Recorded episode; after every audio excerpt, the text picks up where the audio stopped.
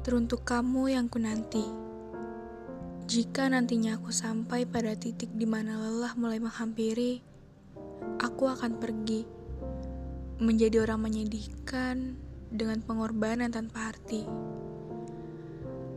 Aku tidak akan menangisi akhir dari perjuanganku nanti, apalagi membuatmu resah sana-sini.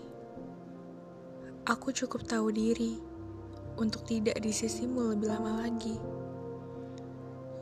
Tapi tolong jangan terlalu menutup diri.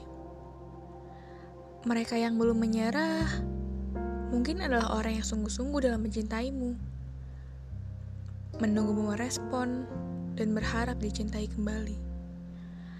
Dan tolong hargai mereka yang sudah sabar menanti. Semoga kau segera menemukan dia, si cinta sejati. thank you